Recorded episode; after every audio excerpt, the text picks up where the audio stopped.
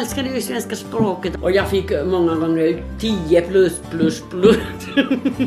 Jag gick inte läsa geografi och sånt där. Jag, jag läste aldrig någonting men att svenskan det tyckte jag om och, och engelska också. Men svenska var min bästa ämne i skolan. Det är mycket lite som jag har pratat nu på sista, tid, på sista 30 åren. Det säger Meri Vanhapiha, som ni nu ska få höra i ett samtal om livet. Jag heter Ann-Sofie Sandström.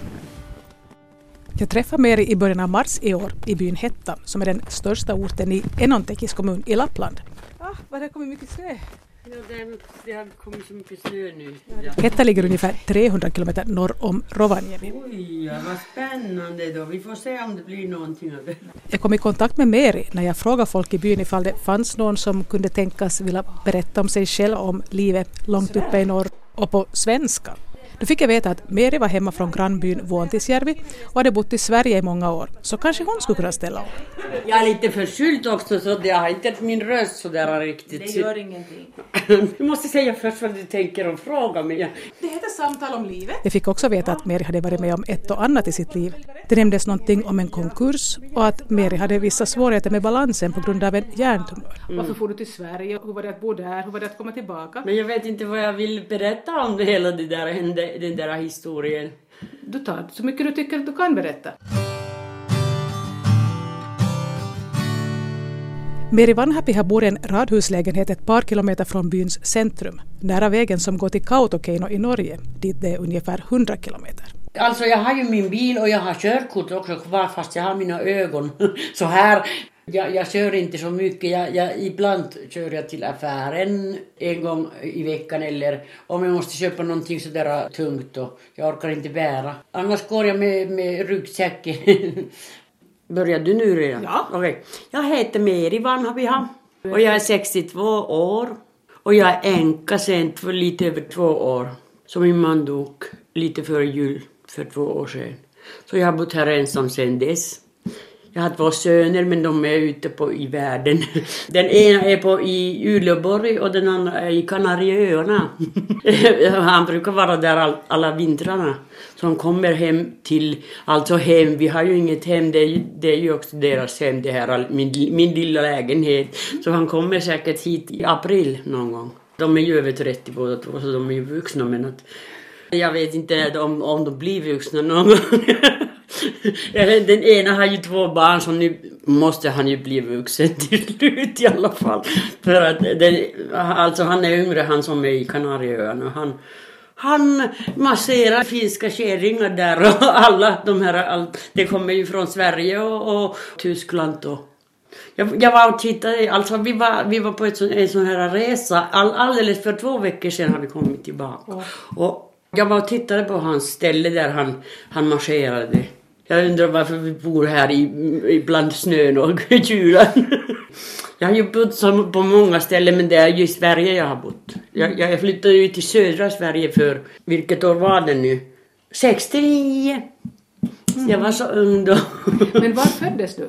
I Vuontisjärvi nästa by härifrån, till öst, öst här. 18 kilometer från Hetta. Hur liten by är det? 150 kanske då på den tiden när, alltså när, när vi kom tillbaka från Sverige. Så då var det sådär livligt och det var mycket unga familjer med barn och, och skolan var kvar och, och allt det där och affären också.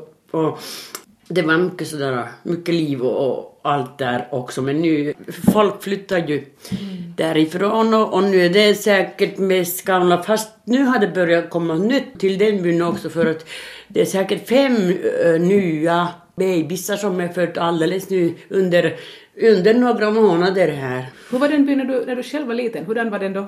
Det var jättehärligt att bo i den där byn och jag, jag har ju som förstått nu efteråt att, att det var ju det bästa möjliga platsen för barn att, att växa upp i. Eh, Alltså vi hade ju inte ens rinnande kallt vatten, vi fick ju bära det i, från, från grun, eller vad heter det, brunnen. Vi fick ju göra så här alltså, rulla upp till hinken och så och bära in i och, och man gick ju en gång i veckan i sauna. så, så det var ju det fanns ju inga duschar såklart för att det fanns ingen vatten. Jag frågade Meri om hon hade många syskon. Vi är tolv stycken och, så, och det är en som dog när hon var tre år. Jag har inte sett henne. Det var hon, någon som var äldre än mig. Och jag är ju yngst utav oss. Och så jag är ju, alltså de är ju gamla och det är en del är ju död redan. Och, men att uh, vi är säkert åtta, åtta kvar som är i livet. Hur var det då att växa upp i den där byn? Alla hade ju många barn och man hade alltid någon att leka med. Det var, det var så mycket barn i byn. Mm. Det var ganska, ganska mycket religiöst också men det var, så det var dans på, på det fanns ett sånt där gammalt hus eh, idrotts, idrottsföreningens hus där, där vi hade då dans också men det var både och. Alla byarna är ju likadana och det, var, det fanns ju sådana här, eh, vad heter de här som eh, predikanter, ja, predikanter, sådana här män. Det var två sådana här som gjorde det nästan jämt alltså. De, så, så det var mycket religiöst i våran by men, men Alltså vilken sorts... Uh... Ja, det pratades ju om att det är lästadiansk men att vi som växte upp så vi kanske, alltså som är äldre, som är äldre än mig, de, de tänker så här att det var att de är som lästadianer. Att de har fått den uppväxten att men att, att vi som är yngre, vi kanske inte tänker sådär, vi tänker inte i sådana här fack, att vi är bara, det, det finns där någonstans i bakgrunden den där religionen, men att det är bara någonting som finns, som alla har som har vuxit i de här små byarna, och särskilt just vår. Men Meri nämnde också att man dansar där, och vad jag kommer ihåg från när jag växte upp, så i byar där det var väldigt religiöst så var det inte så mycket dans. Nu var det samma, samma hos oss också. Att jag kommer alltid ihåg när vi var ju sådär äh, någonting mellan 14 och 18 någonting sådär när vi gick till, till den där dansplatsen. Och, och jag kommer alltid ihåg när en av mina kompisars far kom upp till backen och så ropade han där men kom snabbt kom genast bort därifrån, du får inte vara där. Och de kom och hämtade en del från dansen. det var ju så syndigt att gå dit, det var ju så. Fast vi gick ju och dansade i alla fall. Fast det, man dansar ju då när man är ung, det är klart. Då när du mm. växte upp där i den här lilla byn, gick du och tänkte att du skulle stanna kvar eller tänkte du att du skulle bort? Oh, jag, jag tänkte aldrig, alltså jag, jag, är en sån människa som inte tänker så mycket till framtiden. Alltså jag, Tills jag var ung så tänkte jag aldrig att jag skulle därifrån någonstans. Jag tänkte ingenting utan det var ju klart att jag skulle bo kvar i den där byn för alla, alla bodde ju den tiden kvar där. Jag var ju barn på 50-talet men ung på 60-talet och då 67, 68 då började man tänka om man skulle flytta eller gå i skolan någon annanstans. Alltså vi hade, I alla byar fanns folkskola då på den tiden och sen kom den här, jag vet inte vad det är, realen, mm. realskola mm. fanns i här i Hetta och vi gick i realen en del utav oss och sen fanns det ingen mer skola. Om någon skulle skola sig så hon, hon skulle åka någonstans.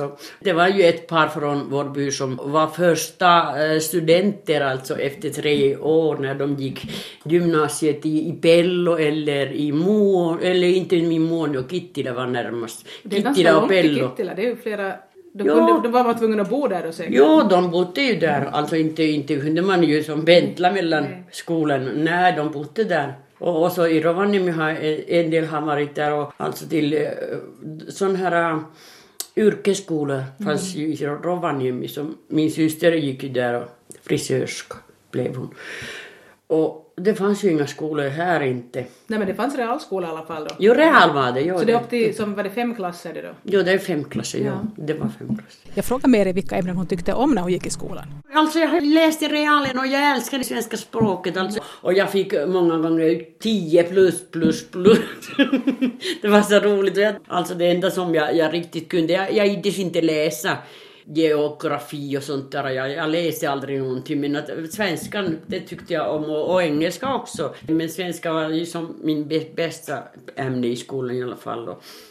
Efter realen hade Meri lite funderat på att skaffa sig en handelsutbildning. Jag, jag pratar ju ganska mycket som så här att men jag tänkte, jag hade min, min systerdotter var i hon skulle bli merkonom. Så hon var där och hon sa att man ska, man ska hålla ett sånt där föredrag alltså. Åtminstone fem gånger per år. Och så, annars hade jag nog sökt dit men att jag tänkte nej, jag, jag går nog inte dit fram och jag kan som inte vara allvar, allvarligt så här framför klassen och så prata så här. Så jag sökte aldrig till den där skolan så jag, jag, jag blev oskolad. Men du skulle ha velat gå i handelsskolan? Jo, jag hade velat gå men, men att jag vågade inte har, du, har du ångrat det efter det? Ja, det har jag ångrat. Jag, Det där med skolan, jag har ju alltid drömt om att jag skulle få gå i någon skola. Och nu hade jag fått gå om jag hade som fått, eh, fått för mig att bara söka. Och nu hade mina föräldrar kanske betalat det men att det var aldrig frågan. De hade haft så många barn och jag var ung, yngsta de, så de var som trötta kanske och, och fostra mig så jag fick bara vara och göra vad jag själv ville.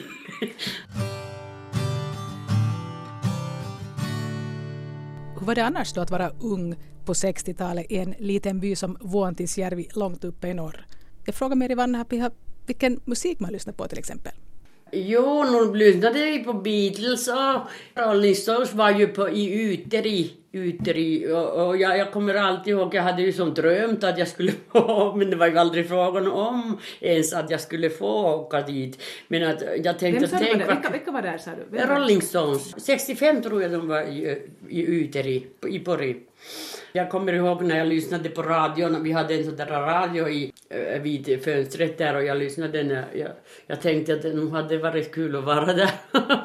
men, att, men att det blev aldrig, aldrig fråga om sånt. Och då kommer jag ihåg det att Johnny, Johnny var ju min idol då på den tiden.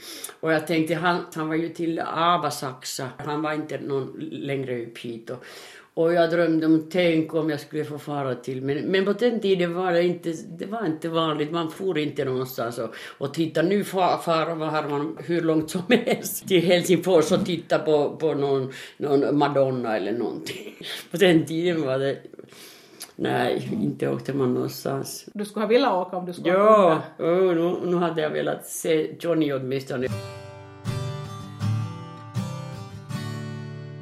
Efter att du hade gått realskolan så hade du bott kvar då i hembyn tills du for till Sverige? Jo, jag, alltså jag fick ju min första arbetsplats så jag hade, jag, jag for ju inte dit för att söka arbete, jag for bara för att min man var där. Mm. Eller min blivande man. Mm. För att jag hade ju fått ett arbete alltså, då, då, på den tiden fanns det ju post i, i alla byar. Mm. Och vi, vårt hus var ju i, i mitten av byn och vi hade en sån liten, liten kammarsaffär och så hade vi post i ett, på ett, någon bord där när de kom tidningarna och så Pappa skötte om det hela eh, då i början när det blev lite mer och mer att man fick skicka brev och man sålde frimärken och det blev ju lite mer, alltså först var det bara tidningarna som man delade ut men sen blev det mer och mer och sen när jag fyllde 18 år så fick jag börja vara som den här skötaren och det blev en riktig sån där poststation 2 hette det på den tiden. Och då fanns det alltså postbank och, och, och det var hela kammaren var som post och såna här fina eh, nya diskar och kassaskåp och allt möjligt. Och jag var ju då ett år var jag och sköt, eller inte fyllt ett år som jag skötte den där och sen började jag knälla mamman men, men ring till Hetta till den här postmästaren att ja, jag, vill, jag ska sluta, jag vill inte, jag ska fara till södra Sverige. så jag hade nog haft bra jobb här om jag hade stannat men det var ju inte frågan det just, just Du ville inte stanna där? Nej, jag, nej, inte för den skull. Jag ville ju, jag kanske ville se världen och leva livet. Alltså det kändes ju inte att jag vill stanna här fast nu är jag ju tillbaka. Jo, men, men det är en annan man, sak, det är inte samma sak. man blir ju lite, man blir ju klokare ju äldre man blir men men, alltså, jag tror att det är helt normalt att unga människor gärna vill se någonting jo, annat. Ja, Speciellt om man bor på ett litet ställe. Ja. Jag har så hemskt svårt att förstå att folk som bor på ett litet ställe stannar och aldrig mm. far. Mm. Men vet du att jag vet att de är de lyckligaste människorna här i världen. Jag vet min brors eh, fru hon, hon gick någon skola treårig, eller två eller treårig sån här handarbetsskola i nära Torneå här någonstans. Och hon har inte varit borta någon annanstans än den där tre åren. Men hon, hon, hon är så lycklig här i Vuontisjärvi. Hon säger bara att hon vill aldrig, det är den bästa platsen hon vet. Men hon har inte varit, hon har bara varit den där skolbiten mm. som hon var borta därifrån. Så hon är så lycklig. Hon hade inte velat fara Nej. någonstans.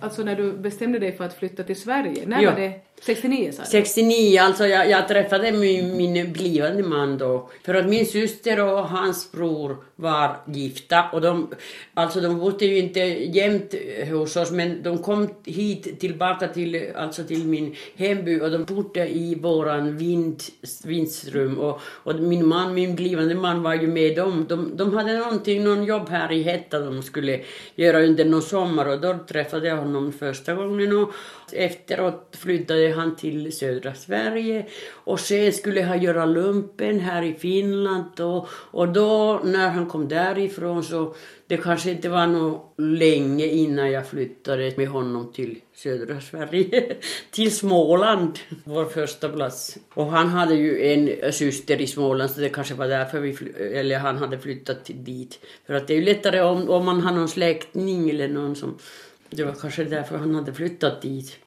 Var det så att många flyttade till Sverige på den tiden härifrån? Jo, jo kanske inte härifrån, inte här uppifrån så många. Lite längre neråt kanske. Här var, vi hade ju våra, vad heter det, små lantbruk, alltså mm. äh, familjer som hade sina kor och, och sin vad heter naveta, jag kommer inte ihåg. Fähus? Jo.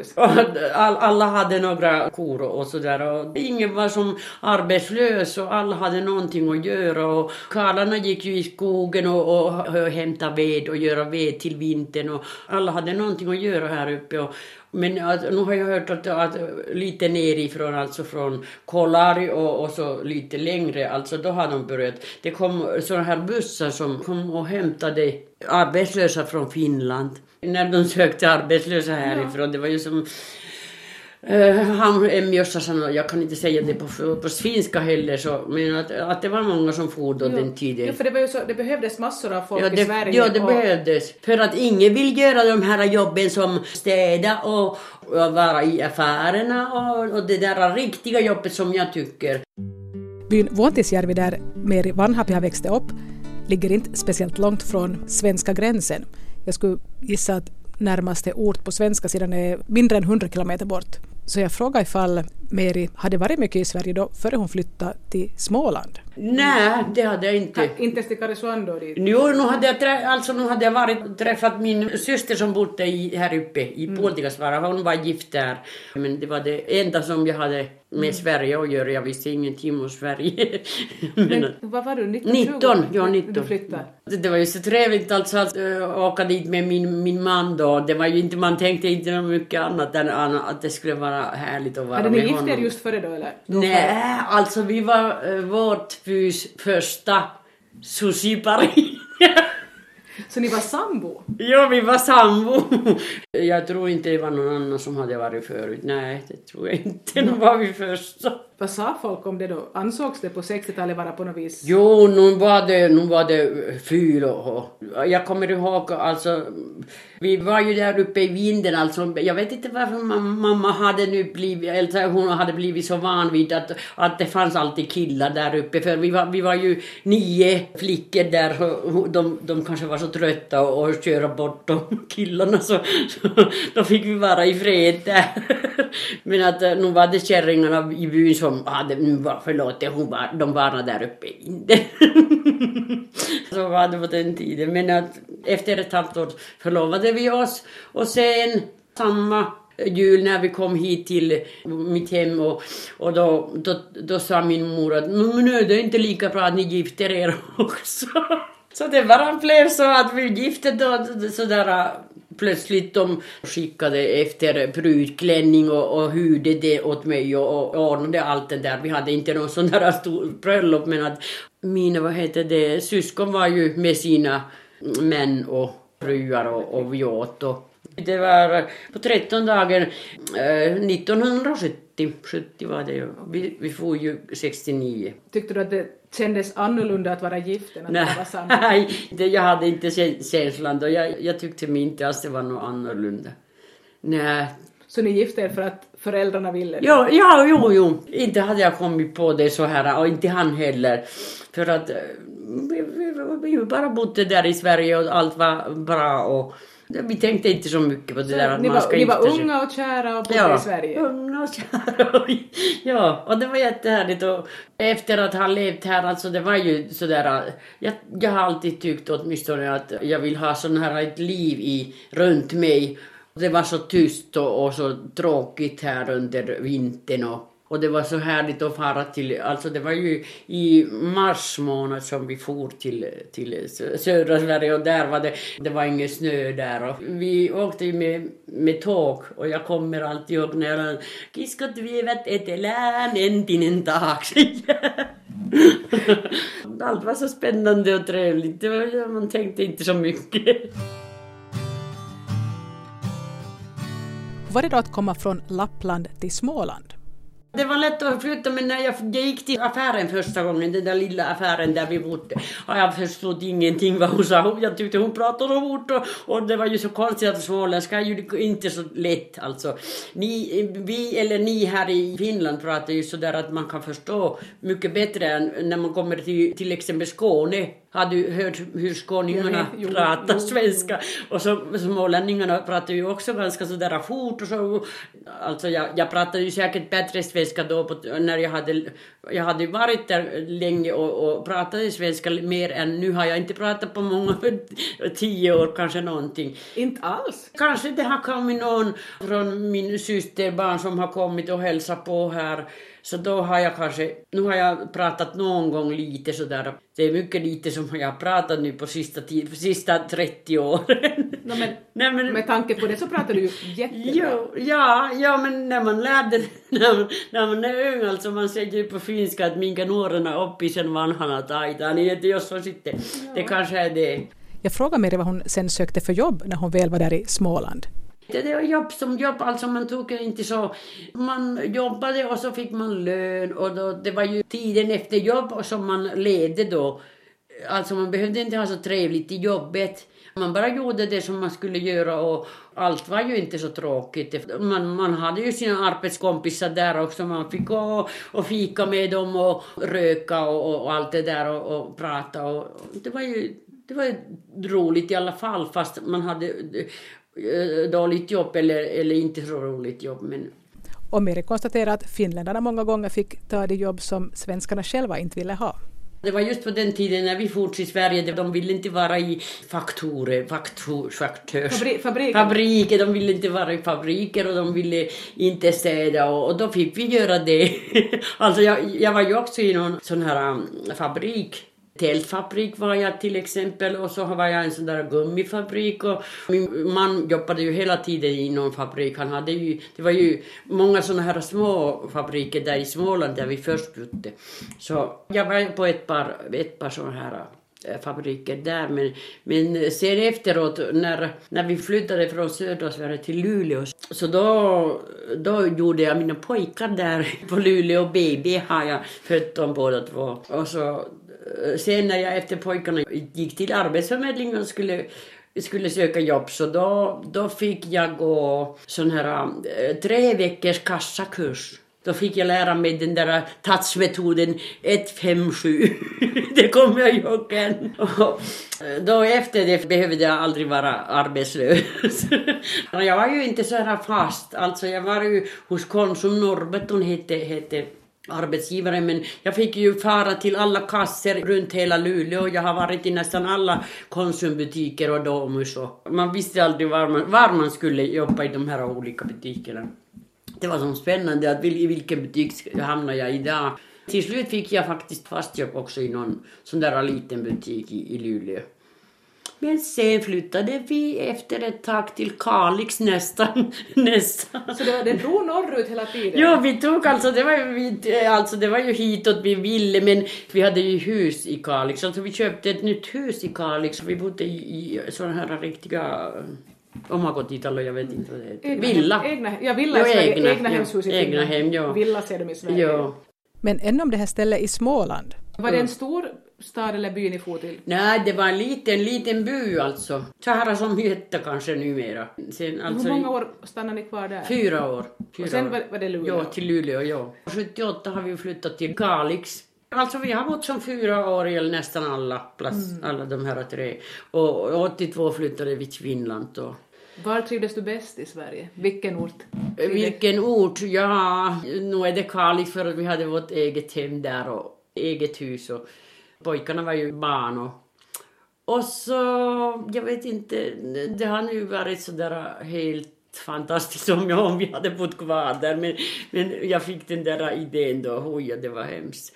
Det, det, vi hade inga problem. Alltså, vi hade jobb båda två och pojkarna gick, eller andra pojkar inte började skolan och, och, och vi hade dagmamma som vi gick till ena pojken och, och vi började ju lära känna grannarna mycket bättre än vad vi känner här nu när jag har bott här i fem år. Så nu lärde jag mera i Kalix när vi bodde i fyra år. Men det var ju många finländare alltså som kom från Luleå och köpte hus där för det var så lätt. Och, alltså vi fick ju vi fick bara betala 5000 kronor tror jag det var insatsen där. Alltså det var ju bara insatsen. Det var ju upplånat hela, hela förstås. Men att det gick ju bara att betala då låne, låne sen efteråt. Och, och det var många som, min mans äh, jobbarkompisar som flyttade samtidigt från Luleå. Och så pendlade de mellan Luleå och Kalix. Det var ganska det? långt men det var många, många som var i en bil. Och, Hur långt är det? Det var 80, 80 kilometer. Som, ungefär som till Muonio? Ja.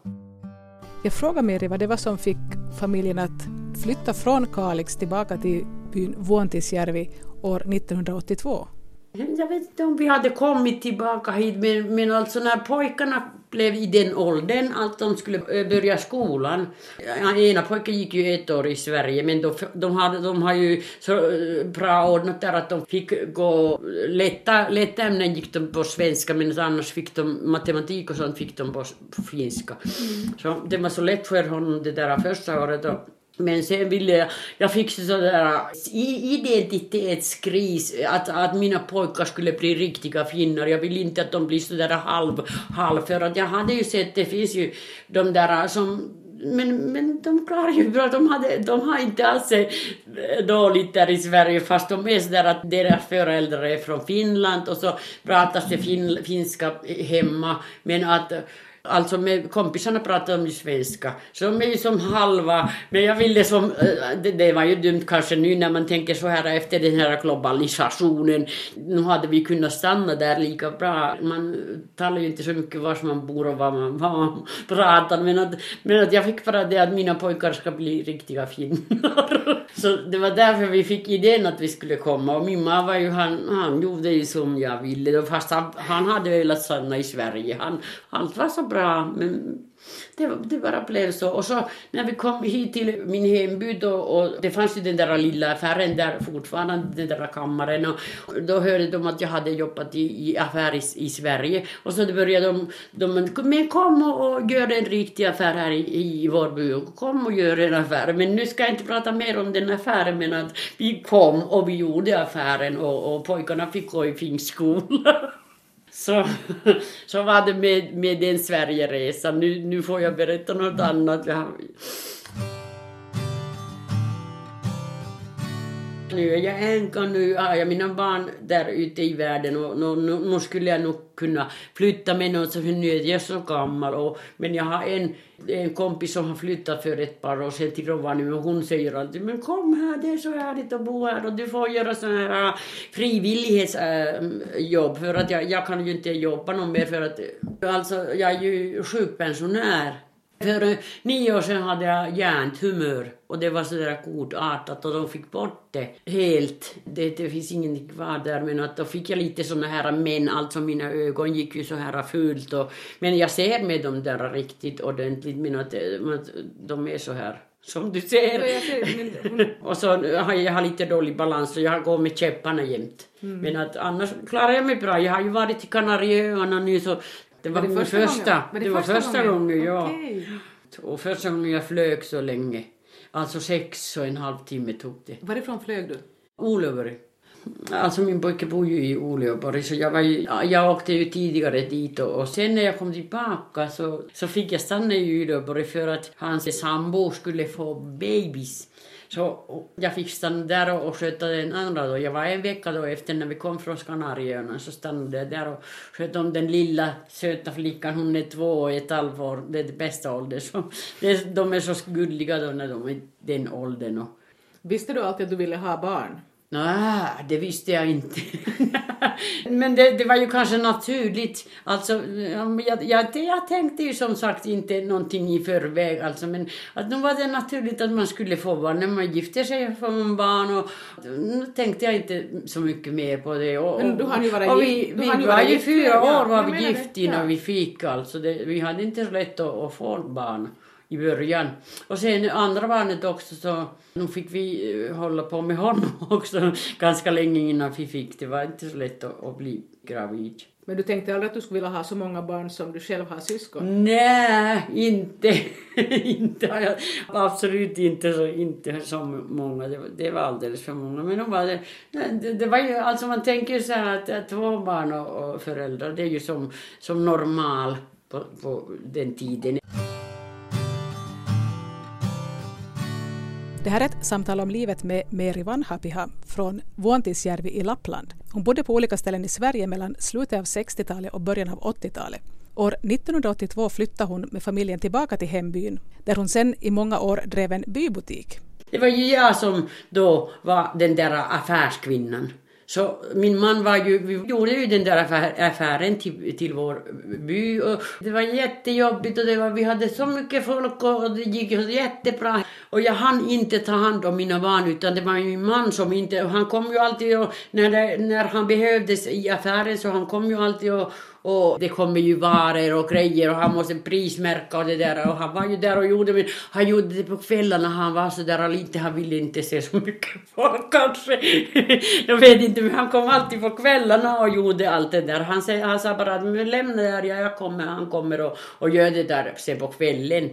Alltså jättebra gick affären. Och alla, byn var ju ganska stor och det var mycket barn och alla försökte hålla den där affären igång och det var mycket, det var nästan alla kom ju dit, de försökte hålla den där affären igång och det var jättejobbigt och det var jättehärligt. Det var ju kul att, att de kom till vår affär och de tyckte om affären tror jag, alla tyckte om det. Att, och jag tyckte om kunderna och, men att Eh, sen kom den där 90 och 90, 90 års lamma och vi hade ju våra skulder och räntorna var över 20. Det var räntorna som alltså gjorde att, att våra gick i konkurs. Jag, jag tror aldrig att det hade annars hänt. Jag vet inte, ingen annan trodde det, men jag vet. De tror ju att vi har gjort någonting, att jag kanske inte kunde sköta om det där affären, men jag, alltså, jag, jag vet att det var det. Att, att, att det var så hemskt, jag vill, jag, jag vill inte tänka på det där något mer. Det har gått bra. Vi har, vi har varit i en sån där, vad heter det? Skuldsanering. Skuldsanering, ja. Och nu behöver jag inte tänka på det något mer. Jag lever så här gott här. Fast jag har liten, liten pension, men jag klagar inte. Nej, men det måste ju varit hemskt liksom, just att det var ju massor av folk som drabbades. Ja, det var, och, och det var många som gjorde, många tog livet av sig på den tiden. Och det var hemskt. Det är ingen som har tänkt på det där sådär riktigt. Alltså det är bara vi som har varit med om det, att vi vet hur det var var.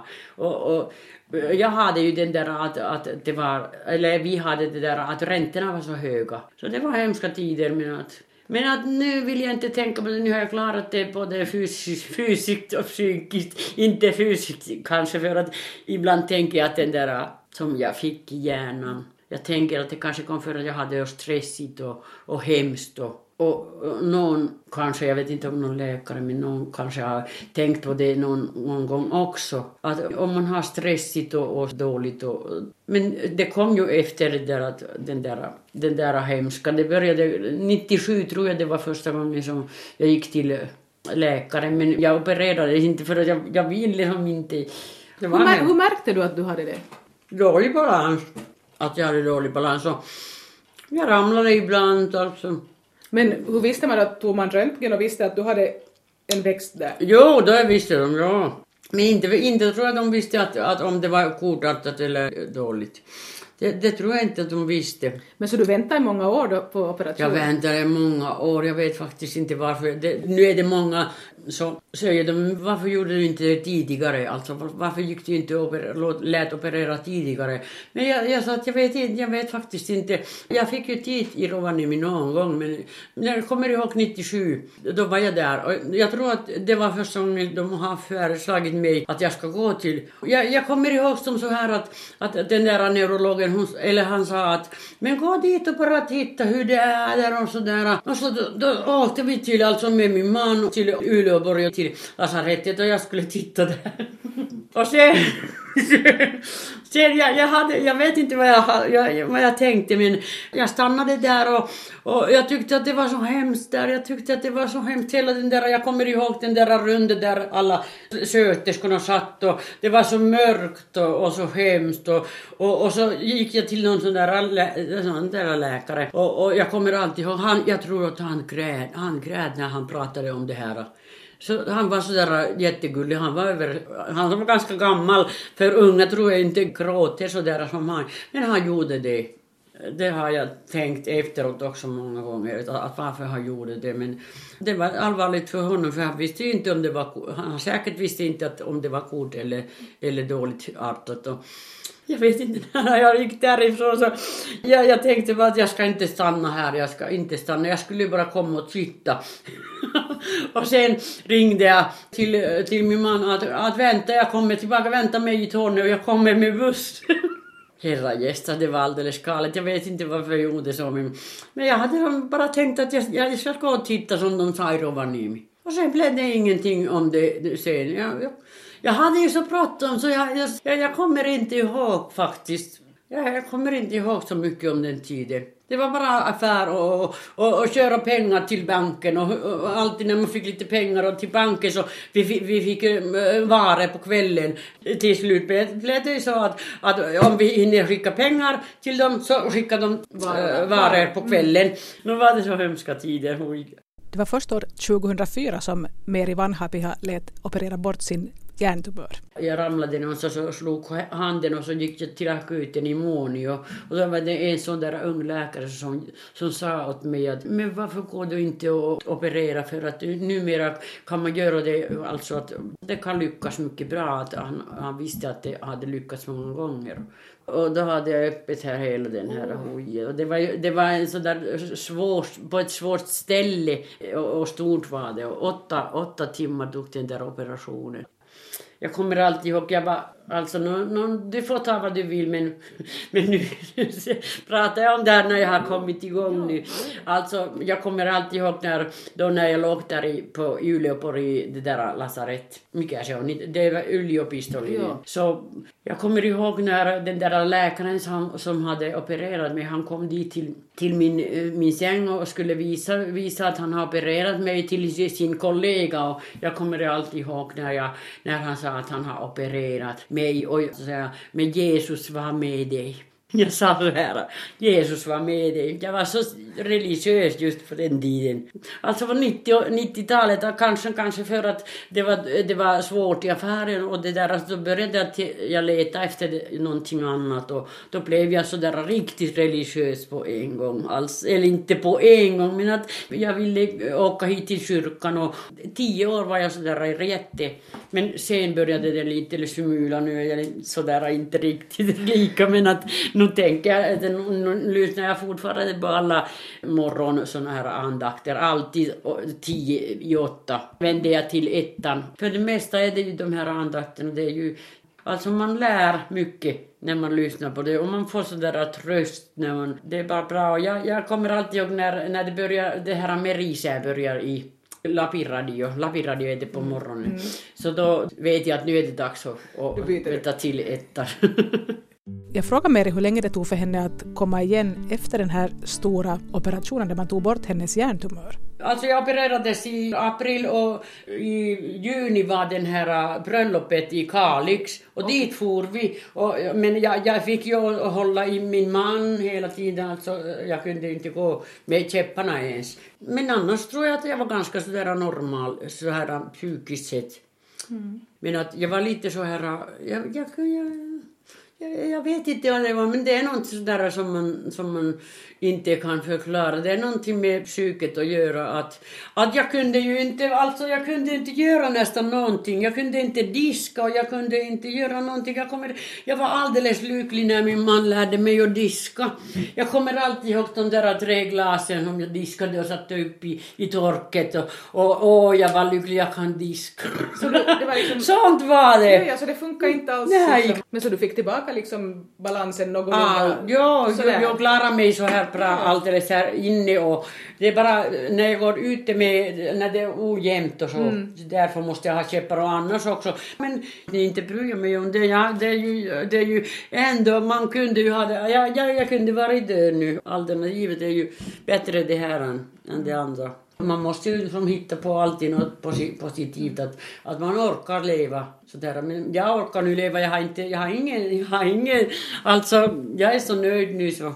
Jag kan sköta mig själv och jag, kan, jag klarar mig bra här och jag, jag har som inga problem. Det är bara det där med ensamheten ibland. Men nu får jag folk om jag nu skulle ringa att jag, nu, nu vill jag ha, nu kom hit nu, nu kommer det alltid någon om Annars är det ganska dåligt. Men, men folk går ju inte så här som förut, alltså de här små byarna när alla kände alla och alla gick och hälsade bara, bara in och, och och, och säga någonting och inte, inte ta det sådär, men nu måste man nästan som ringa och nu har jag börjat tänka när, när min man dog att jag har ju inte tänkt på det där här med ensam, jag är så ensam, ensam, ensam, men att vi har inte varit så länge så här äh, stillsam liv. Vi har inte levt så länge sånt där och nu är det så stillsamt här så ibland blir man så trött på det. Men, men, men jag klagar inte, nej nu klarar jag mig. Där, jag tänkte bara på att du sa att ni bodde, du har bott här i fem år, så din man bodde också här då? Jo, han bodde tre år här. Dog han plötsligt? Att han... Nej, han hade cancer, han fick cancer. Han var en sån där stor rökare. Han,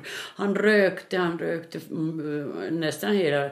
Eller egentligen, han började inte förrän vid lump, alltså lumptiden någon gång. Du sa att du hade inte varit ensam och bott ensam före du blev änka. Ja, det var hemskt faktiskt. Det var, det, det var hemskt. Jag, jag är inte så bra på, på att säga det där hur jag kände, hur jag känner mig, men, men nu var det så där eh, hemskt som det kan vara. Men att det där att min man dog, alltså då, just då fattade jag inte det där så där hemskt för att jag, jag tänkte hela tiden att det var, det var så bra för honom att han fick gå bort för att jag, jag kände bara att det var bra för honom. Jag tänkte inte alls vad jag känner, inte förrän då e, mycket, mycket efteråt har jag tänkt och fortfarande dagarna går bra för att då har man ju alltid någonting att göra om man inte har, jag, jag, jag går ju ganska mycket, jag, jag, jag går ut och går om det är tråkigt och sådär. Men kvällarna och kvällarna och morgnarna är fortfarande sådär hemska att vi har ju vår dubbelsäng kvar och, och ibland vaknar jag då att, att allt är som vanligt som förut och, och då märker jag att han, han inte finns där så det, det är hemskt. Men det, det går ju, jag är ju så här realist att alla ska vi ju gå den vägen någon gång. Jag, jag, jag bara tänker så. Men att men när du då blev ensam, hur länge tog det förrän du började känna att du lite fick tillbaka livslusten efter att du blev änka? Mm, na, det kan jag nog inte säga att jag, jag, jag missade någon livslust. Nej, men sådär att, du, att det inte kändes sådär hemskt hemskt? Uh, nej, det, det gick faktiskt inte så länge. Det vet jag, det, det är svårt att säga för att inte hade jag någon sån där riktigt sådär smart och jag var som lycklig över det där att jag fick sköta om honom det där sista halvåret som han var, han var sjuk. Och att han, han visste att han hade cancer och att det går inte att bota det. Och, och jag fick ju som sköta om honom och vi gick tillsammans och åkte vi till Rovaniemi och jag, jag fick bo på, ja alltså i sjukhuset finns ju en sån där hotell. Alltså jag fick bo, bo där till halva priset för att de tyckte att det var bra att jag var där och kom och hälsade på honom på avdelningen alltid när han var där. Så jag fick ju som Kela betalade ju hälften då, eller nästan hälften av. Det hade ju annars varit för dyrt för mig att bo där. Men att eh, vi fick ju komma, komma hem då och jag fick ju då sköta om honom. Alltså han fick sina mediciner. Klockan åtta skulle han ha första medicinerna så jag kom hit och, och gjorde gröt och, och, och så bar jag till. Jag hade den här som minne, den där prickan här med det här gick jag alltid på morgonen klockan åtta till, eller före åtta oftast. Jag hade ju min, det här andakten. Jag hade den här andakten på radio så jag, vi lyssnade det ihop. Och det, det var så mycket att göra den där, det här halvåret för att han svettades ju för att han hade sina mediciner. Han svettades ju så tre, eh, tre t-skjortor gick det på, på natten och jag fick tvätta och jag hade fullt upp och, och, och sköta. Mm. Men jag var så lycklig för att jag, jag tror att han tyckte att det var jättebra att eller vi pratade inte alls så mycket om den där sjukdomen. Han, han fick leva livet som det var då. Jag vet inte, jag, jag, efteråt har jag tänkt att om han hade kanske velat prata om det, men om han hade velat så hade han pratat om det. Så hade vi kunnat prata om det, men det blev, vi, vi pratade inte, vi bara levde som vanligt. Jag, jag lagade mat åt honom och, och, och såg till att, så sa han att, att vad ska vi göra nu och vad ska vi göra nu? Han alltid sa att vad ska vi göra, vad ska vi, ska vi ta medicin? Och han, han pratade ju som vi och vi, vi gjorde det alltid alltid, allt, alla, allt tillsammans och det är jag så lycklig över att, att jag, jag hade tid att vara, vara med honom. Om jag hade varit och jobbat så inte vet jag hur, hur det hade varit. Det var, jag var så lycklig för det och sen Sen när han dog så var jag lycklig för att han fick komma bort för att det var ju ingenting som kunde göras. Så jag vis, det var ju inget riktigt liv för att han var ju så mycket trött och det där med medicinerna och han, det var, det var inte något liv att leva länge. Så jag vet faktiskt inte om, han, om jag hade Fortfarande längtar jag efter honom men att inte har jag haft sån där svart att det var så där jättehemskt och jag har skrivit i dagbok för att jag skulle se hur jag, hur jag har känt det. Men jag, jag skrev ganska mycket.